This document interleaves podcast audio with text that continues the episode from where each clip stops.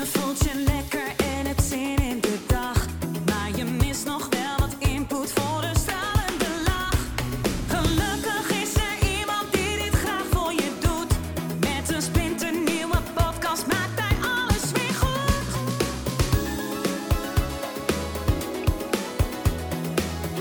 Maak weer eventjes vrij voor Edwin Salai.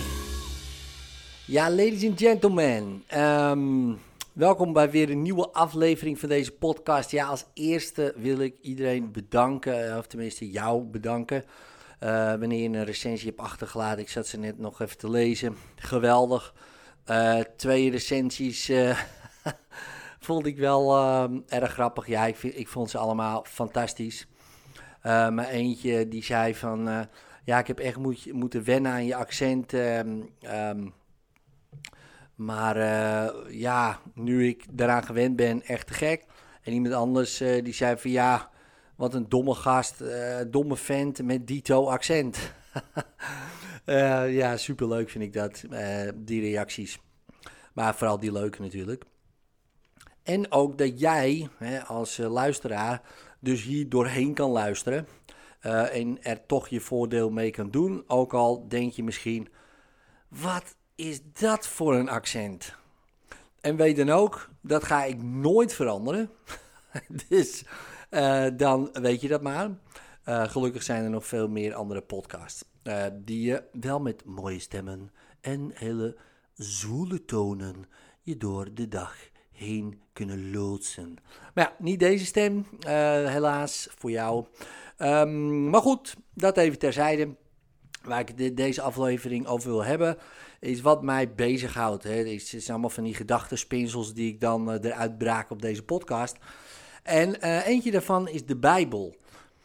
En denk je, oh Ed jongen, de Bijbel, nee man, ik heb daar weerstand tegen. Of ik krijg daar hele nare gevoelens bij, of juist hele goede gevoelens. Nou, dat kan natuurlijk ook. Ehm, en wat voor die gevoelens ook zijn, ja, ik ehm, ben daar weer in geïnteresseerd geraakt. Ik was daar, kijk, je moet weten van mij, ik ben kerkelijk opgevoed. En dat hoor je natuurlijk ook wel hè, aan mijn, eh, aan mijn, aan mijn, ja, gewoon hoe ik praat, weet je wel, heel netjes en, eh, en niet zo grof en zo. Ehm, ja, iedere week naar de kerk en, eh, nou ja, katholiek dan, hè, dus ook gedoopt en heilige communie en vormsel. Oh jongen, ik ben zo gezegend, jongen. Oh, hè, dus... maar dan kreeg je dus ook iedere week naar die kerk, maar ook bijbelles en zo. Ehm, en, maar ik werd ook veel voorgelezen uit de kinderbijbel. En dat vond ik eh, super interessant, al die verhalen. En verhalen vind ik sowieso tof. Ehm, maar nu, eigenlijk sinds kort, en ik kwam daar op ehm, eh, door Jeanette de Geus. Die, eh, die vertelde in een van haar stories ehm, over de Miracle Club. En die ben ik toen gaan luisteren, want ik luister veel boeken. En toen vertelde hij over Neville Goddard. En toen ben ik die gaan luisteren en dat vond ik mind-blowing. Want Neville die legt de Bijbel uit... Ja, op een interessante manier die bij mij heel erg resoneert. En misschien bij jou ook wel. Eh, dus bear with me. Ehm, hij zegt, de Bijbel gaat over jou. En dan denk je, oké, prima. Maar gewoon alles wat daarin beschreven wordt, gaat over jou. Hè, dus Christus, dat ben jij. Jij bent de Vader, dat ben je ook. Hè, het verhaal van bijvoorbeeld eh, Abraham, Isaac en Jacob, dat ben jij ook allemaal. Maar hij zegt dan bijvoorbeeld, de blinde Abraham is jouw bewustzijn. Die blind is voor wat er allemaal mogelijk is. Isaac is dan de behaarde man die het moet hebben van zijn zintuigen. En Jacob, de gladde eh, jongen, ehm, is jouw wens, jouw desire, eh, wat je werkelijk wil. En op het moment dat Abraham zijn blessing geeft aan Jacob, als je dat verhaal eh, kent, zegt hij dus, nu is je bewustzijn heeft aanvaard dat die wens werkelijkheid wordt. Nou, zo legt hij die hele Bijbel uit, of de hele Bijbel, maar heel veel van die verhalen. En zo had ik het nog nooit gehoord. En ik dacht, ja, dat is het gewoon. Eh, voor mij dan, hè. Dus, en, ehm, en hij vertelde ook van, ja, het is natuurlijk ook gek als mensen uit het oosten iets opschrijven. hè, de Bijbel bijvoorbeeld, en dat wij in het Westen dat letterlijk gaan interpreteren. Uh, terwijl als je bijvoorbeeld, uh, het vertelde hij ook van, ja, my bank is on the rocks, dan in het Westen betekent dat failliet, op de klippen geslagen.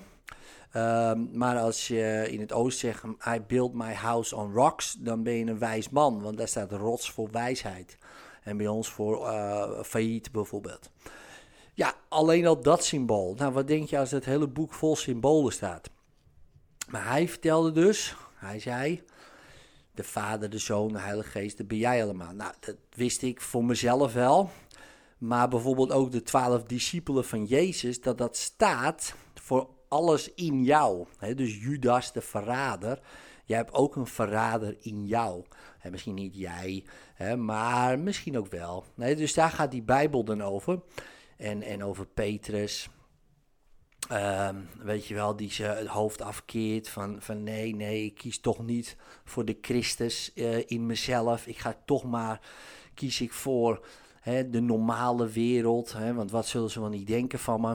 Ik ga er toch niet echt voor kiezen. Nou, allemaal dat soort dingen. Dus moet je de volgende keer als je de passion kijkt, dus zo kijken. Dat jij dat dus allemaal bent.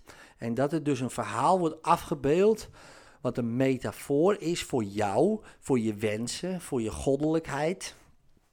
En um, ja, voor wat je nou werkelijk wil in je leven. En hij had het ook over uh, de ark van Noach bijvoorbeeld. En die drie zonen. En die namen die stonden dan voor uh, creativiteit en uh, um, um, actie. en nog één, ben ik even kwijt. Verbeelding volgens mij. En dat stond dan ook voor jou, voor jouw scheppingskracht. Nou goed, ik kan het niet zo goed uitleggen zoals hij dat mooi uitlegt. Maar ik vond het zo fascinerend. Ik denk, ja, ik wil het toch met je delen.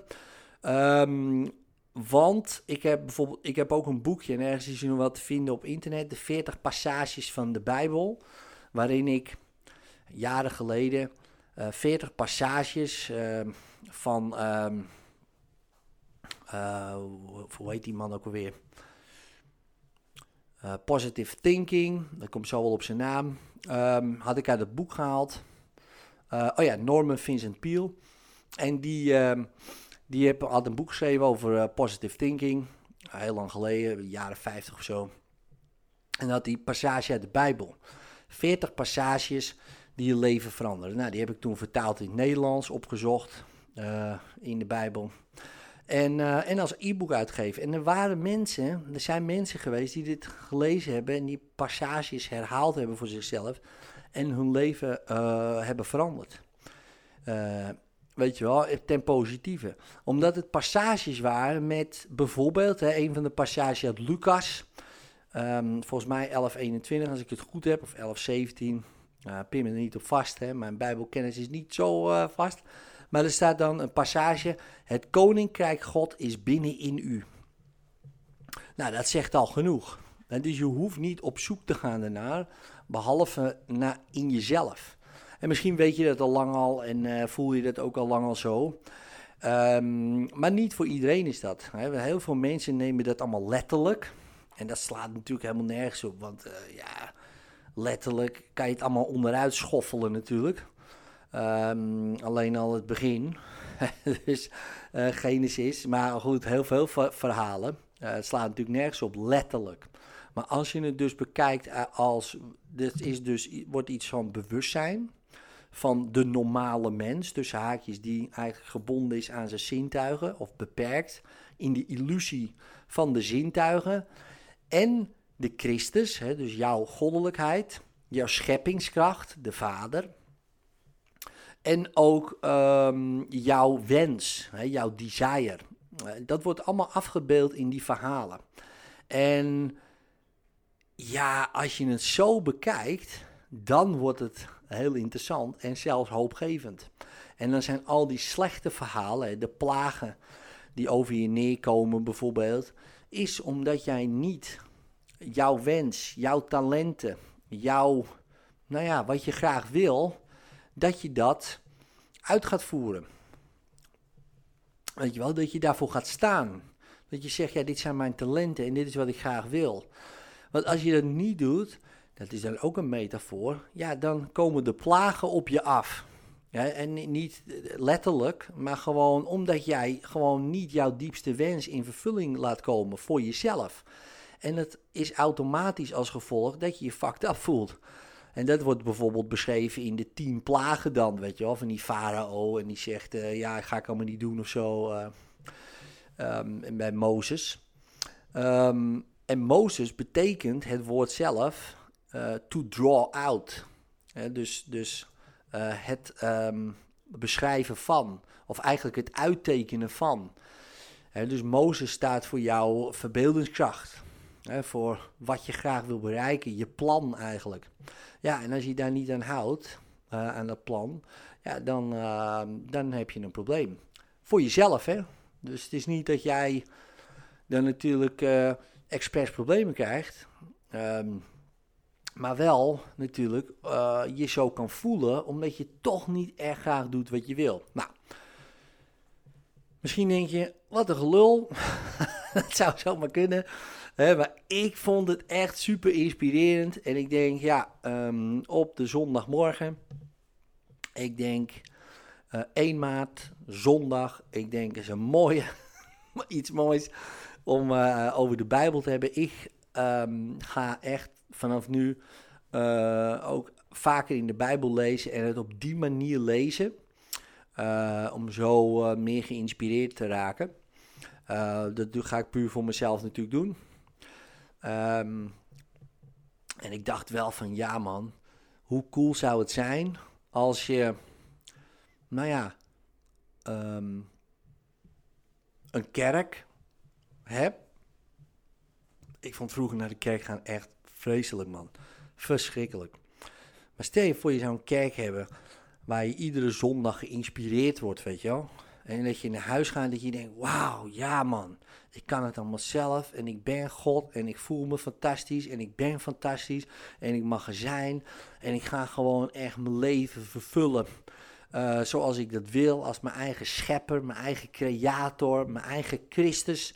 En ik ga gewoon mijn wens, wat ik graag wil, kruisigen, zodat ik hem altijd zie zodat het oude sterft en het nieuwe op gaat staan, mijn nieuwe leven, weet je wel, dat soort verhalen. Dat je denkt, wow, ik kom naar buiten en ik denk, uh, ik heb er zin in. Ik kwam altijd naar buiten vroeger en ik dacht, uh, ik ben er klaar mee. dus, uh, dus, ja, vind je het gek dat ze dan leeglopen, die kerken? Maar ik denk dat het tijd is voor een nieuw geluid.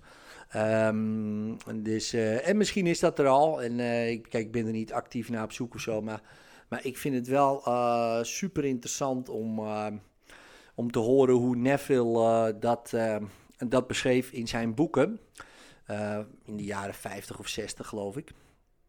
Dus mocht je daarin geïnteresseerd zijn, dan zou ik zeker de Miracle Club mee beginnen van Mitch Horowitz. Dat is een vrij recent boek. Dat is misschien uh, niet zo zweverig en bijbels als, uh, als Neville. Al kan ik je die zeker aanraden als je daarin geïnteresseerd bent. Maar Mitch Horowitz, die, uh, die legt eigenlijk de nou ja, verbanden tussen de wetenschap en bijvoorbeeld de, de wet van aantrekking en, de, en, en daarbij ook de kwantumfysica, maar op een hele logische manier uitgelegd. Ja, zodat het je, mij heeft het heel erg geïnspireerd. Al heb ik niet per se de wetenschap nodig om het te geloven en te begrijpen en, uh, en, en mee te werken. Maar het is altijd wel lekker uh, om bijvoorbeeld uit te leggen aan mensen hoe het, hoe het, nou ja, wetenschappelijk, maar kijk, de tijd is ook veranderd sinds de jaren 50. We weten nu heel veel meer hoe dingen werken. En dan wordt het soms ook logischer dat dingen werken. En dat kan voor sommige mensen ja, net genoeg zijn om, uh, om daar mee te gaan werken. Maar um, ja, dus dat. Uh, dit was mijn rant. Uh, doe er je voordeel mee. Later.